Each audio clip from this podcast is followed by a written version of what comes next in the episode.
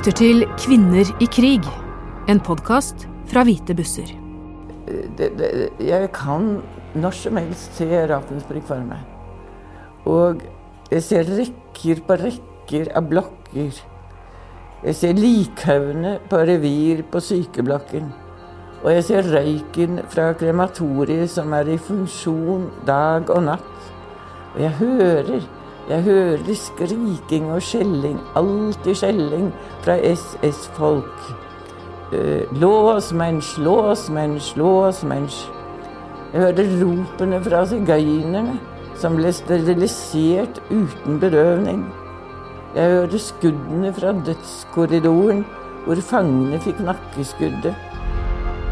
Slik husker Henriette Bie Lorentzen tiden i fangeleiren Rafensbrück i Tyskland. Dette intervjuet ble tatt opp i 1997, da Henriette var 86 år gammel. Hun døde tre år senere. Da Norge ble okkupert av tyske styrker i 1940, var Henriette Bie Lorentzen lærer og sekretær ved Nansen-skolen på Lillehammer. Like etter invasjonen av Norge mistet hun jobben på skolen noe som førte til at hun måtte flytte til Kristiansand, hvor ektemannen Øyvind var lektor ved Kristiansand katedralskole. Siden hun var arbeidsledig, fylte hun tida med motstandsarbeid. Hun hjalp flyktninger til Sverige, var kurer som leverte beskjeder mellom Kristiansand og Oslo, og hun og mannen distribuerte også illegale aviser i Kristiansand. Henriette hadde en liten sønn, og hun var gravid med sitt andre barn. Egentlig, Jeg var ikke gravid mer enn i første måned, eller en måned. da. Og det hadde jeg da undersøkt, for jeg ville vite det i tilfelle noe skjedde. Og så har vi det deilige der i Søgne.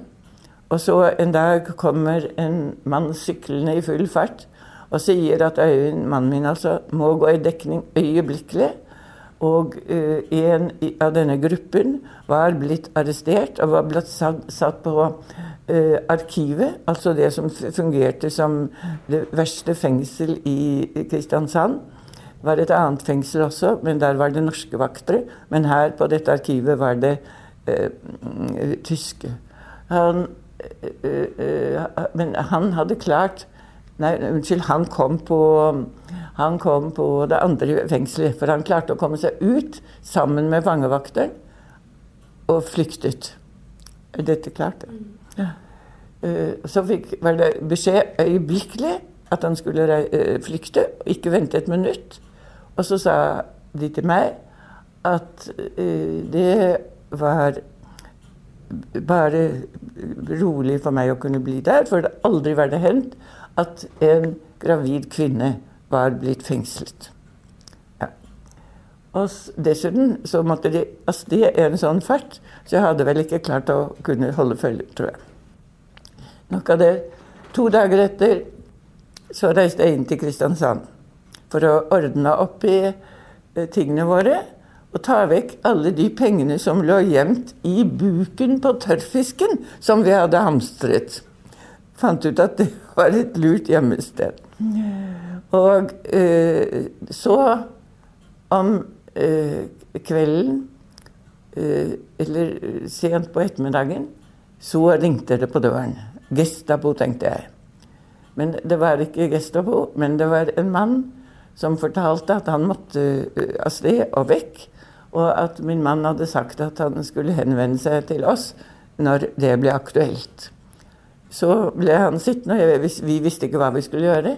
Så ringte jeg til en venninne, og hun sa da, etter å ha drøftet det med noen, eh, at eh, pakken, altså han, skulle da hentes på kvelden. Og så ble vi sittende der og snakke da. Natten gikk, men klokken tre så ringte det på døra. Og heldigvis, jeg trodde er det Gestapo eller er det de som skal hente ham? Men det var noen som hentet ham. Og så etterpå, senere, fikk jeg vite at den venninnen jeg hadde ringt til, det var akkurat hos henne at min mann var i dekning. Og han måtte da straks bli sendt et annet sted. Og samme sted kom da denne mannen, som hadde vært gjest hos meg. De flyttet tre ganger i løpet av det natten, eller døgnet, og kom seg over til Sverige. Men da eh, de store arrestasjonene i Kristiansand skjedde noe senere, så ble alle de tre de hadde vært i dekning hos, de ble arrestert. Og de ble sendt til Tyskland med Vestfallen, som gikk under. Det var ganske unge, forholdsvis unge mennesker. Det, så gikk nattene. Jeg kommer tilbake til denne natten. Og før jeg hadde stått opp, så kimte det på døren. Og før jeg fikk lukket opp, så kom Gestapo inn med revolvere rettet mot meg. Og uh, de undersøkte alt. Hele huset. Først etter å ha spurt hvor min mann var. Og jeg sa da hva jeg hadde fått beskjed om at jeg skulle svare. At han var på fisketur i Setesdalen. Vel, så kom jeg altså da til eh, arkivet. Og eh, med en gang jeg kom, så sa jeg jo at jeg var gravid. Så ble det hentet en lege som undersøkte meg, og han sa det var sant. Og sa at uh, de, de, burde ikke la meg stå, for da ville jeg besvime. Og da ville de ikke få noe ut av meg. Men de kunne legge meg på en benk og piske meg. Og så la de på meg en benk, og så pisket de meg og pisket meg. Og uh, altså spurte efter navner på dem som arbeidet i den gruppen sammen med min mann. Og da jeg ikke visste navnene, så var det ikke så vanskelig for meg å ikke si det, for jeg ante det ikke. De arbeidet jo bare med dekknavner. Og til slutt så ga de opp. Og jeg kom ned på en celle. Det var forresten grusomt å sitte der om natten, for jeg hørte hylene fra dem som ble torturert. Henriette ble etter hvert sendt videre til Oslo og Grini, hvor hun fødte sin datter. Og Den tyske legen undersøkte meg, og så sa han dette barnet får ikke noe hode. Og så tenkte jeg jeg har aldri hørt at ikke barn får hoder, jeg. men det skjer meg så mye rart nå, så det skjer vel dette òg, da. Da barnet kom ut, og jeg så at barnet hadde hode, så sa jeg men barnet har jo et hode. Irrnist menschlich, sa han. Og så gikk han sin vei. Og, eh, men eh, neste dag så kom doktor Hauver på besøk. Og han hadde høyere rang enn denne legen her. Og så sa han at de fra Sol Kinseen. Og så fikk jeg se barnet. Fikk beholde en halv time. Og så tok de det fra meg. Og så satte doktor Hauver seg til meg, og så sa han Jeg har vunnet. Barnet skal få komme til uh, sin familie, altså til min far og min søster. Det skal ikke sendes til Tyskland, slik som jeg hadde fått beskjed om. For jeg hadde altså fått beskjed om at barnet skulle sendes til Tyskland. Og uh, hvordan han hadde klart å redde dette barnet, det vet jeg ikke. Men han hadde ringt opp til min søster og sagt at hun skulle hente barnet klokken halv elleve neste dag på Akers krigslasarett. Men så sa han vær der klokken ti, og vær presis. Og da jeg ble kjørt ut av Gestapo fra Akers krigslasarett, og så jeg min søster sitte med en babypose i en vogn og vente. En, bil, altså. Og da skjønte jeg at barnet var reddet. Det er jo en ganske fantastisk historie. Hvordan føltes det egentlig å bære frem et barn som du egentlig ikke visste om du kom til å se?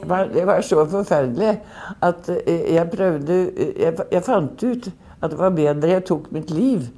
Og jeg husker jeg hoppet ned fra ja, dette bordet som vi hadde, pulten eller hva det var, og kastet meg ned for å Men jeg kom alltid med beina først. Så jeg klarte faktisk ikke Og det var vel sikkert fordi jeg ikke eh, egentlig ville det, da. Men det tenkte jeg jeg orker ikke at dette barnet skal til Tyskland. Den lille jenta Kristin ble plassert hos søsteren til Henriette, mens den nybakte moren ble sendt på transport til Tyskland og kvinneleiren Rafensbrück. Jeg kan når som helst se Rafensbrück for meg. Og jeg ser rekker på rekker av blokker. Jeg ser likhaugene på revir på sykeblokken. Og jeg ser røyken fra krematoriet som er i funksjon dag og natt. Jeg ser SS-soldater med geværer i vakttårnene på den høye muren som omga leiren. Og jeg ser forkomne, utsultede fanger. Og jeg ser fanger som slår og sparker andre fanger. Og det var kriminelle fanger iblant oss. Og det hendte også at politiske fanger etter år i fangenskap ble forrådt og brutaler. Og jeg hører, jeg hører skriking og skjelling, alltid skjelling fra SS-folk. Uh, lås, mensch, lås, mensch, lås, mensch. Jeg hørte ropene fra sigøynerne som ble sterilisert uten bedøvning. Jeg hørte skuddene fra dødskorridoren hvor fangene fikk nakkeskuddet. Og jeg tenker jeg tenker på overfylte blokker. Eh, tre eh, sånne køyer over hverandre, trangt. Og eh, på dager og netter. Elleve timers arbeidsøkt. Dagskift og nattskift. I tillegg til lange appeller. Noen ganger kunne appellene vare et par timer. Og forferdelige sanitære forhold. Den siste tiden på min blokk måtte 700-800 kvinner benytte 32 vasker og 8 toaletter, som ofte ikke fungerte. Og min første, største fortvilelse, vet du hva det var? Det var loppene. Altså, jeg må ha et veldig sterkt lopp, lopp, loppetekke. Jeg var oppspist av lopper. Og øh, om natten jeg kunne ikke sove pga. loppestikk. Og selv ni, ni, i ni år etter krigen hadde jeg blod, sånne blodmerker på bena etter de plagene med lopper.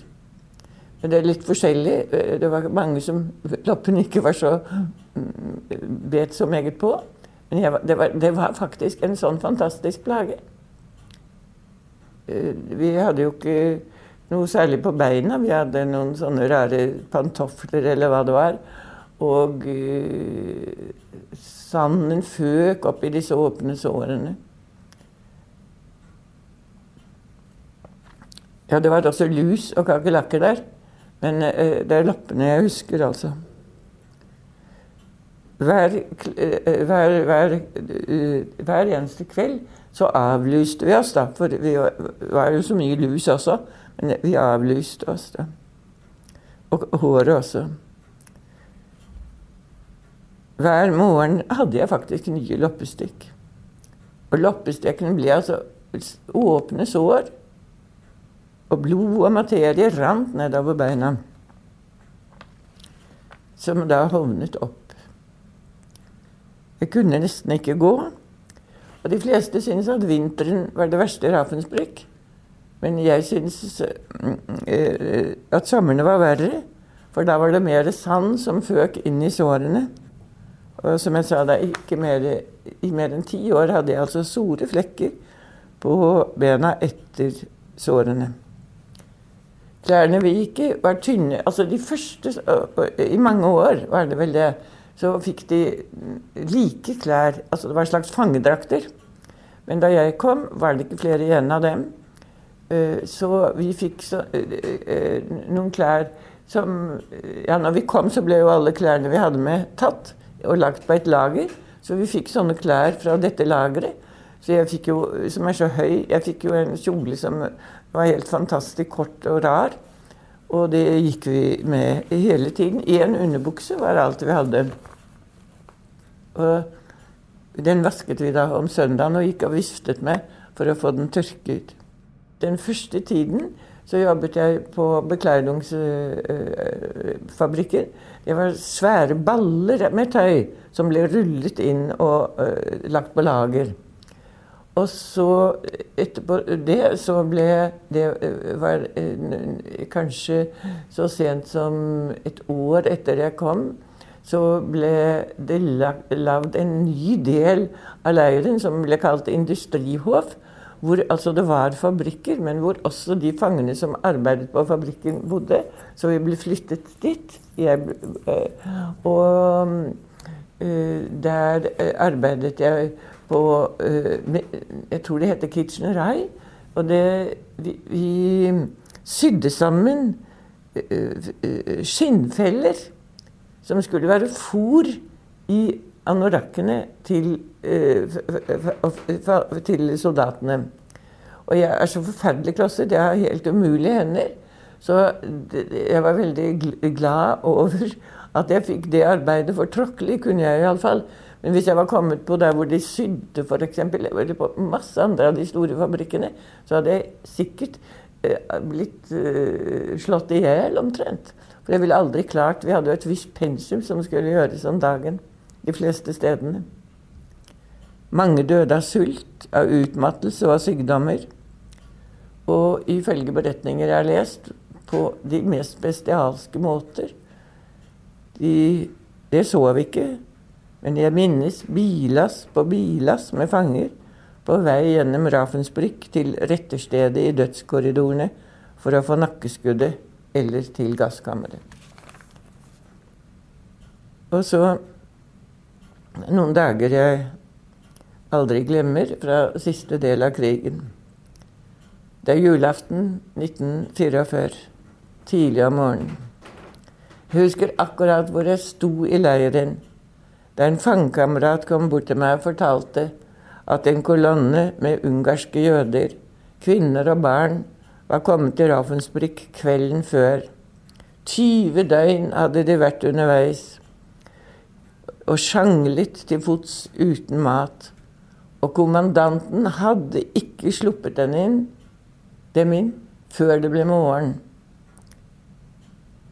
Natt til julaften døde hundrevis av barn og kvinner. De døde foran porten til Raffensbrück. Og enda flere etterpå. De ble slengt inn i et kjempetelt som sto på, i leiren. Der var ikke latriner, ikke vann, ikke oppvarming. De lå på halm, ingen tepper. Stanken var forferdelig. Og etter hvert ble nye kastet inn der, og mange hundre døde hvert døgn. Og nye hundredeler ble kastet inn. Dette er i slutten. Så er det 7. april 1945. Det er kaos i leiren. Latrinene fungerer ikke. Vann finnes nesten ikke. Vaktene er nervøse og opphissede. Kanondrønnene fra øst ø, kommer stadig nærmere. Og vi hører flydur. Vi forsto at frontene nærmet seg. Var leiren underminert? Det, det er lørdag ettermiddag. Jeg går sammen med en norsk fangevenn nedover Lagerstrassen det er Leirgaten.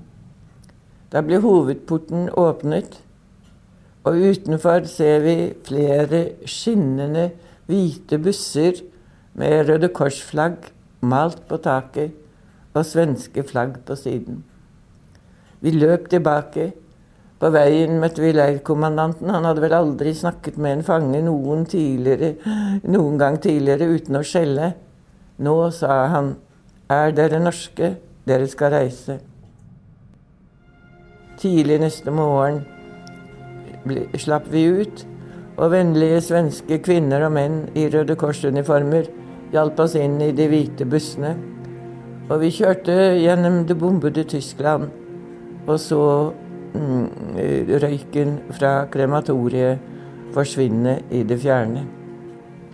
Vi dro over grensen til Danmark i den danske mm, lille byen Petberg, Petberg, tror jeg, tok eh, Dansk Røde Kors imot oss. Og, un, og under. Bordene var dekket med hvite duker og skinnende hvite duker. Jeg husker ikke vi spiste, men dukene minnes meg, og jeg ser bordene for meg når jeg nå forteller. Og så kjørte vi videre gjennom våren i Danmark, og barn og voksne sto langs gatene og vinket, og det ble kastet blomster og konfekt inn i bussene. Jeg skal fortelle at det var eh, det, skal, det var ikke et ord som ble sagt i bussen på hjemvei. For det første så tenkte vi på alle de som var tilbake. Alle de fangene i unkverdig tilstand. Og uh, så, så, det var helt stille i bussen da vi kjørte. Vi, Du kan si vi var glad. Men altså, glad er vel kanskje ikke ordet. Det er noe mer. Hvis du blir reddet,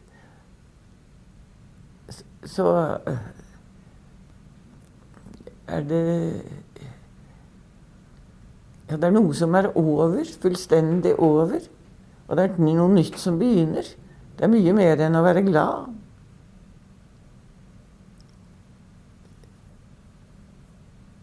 Lettet. Og overrasket i grunnen. Men selvfølgelig er vi glade når det Men det som er, er veldig rart,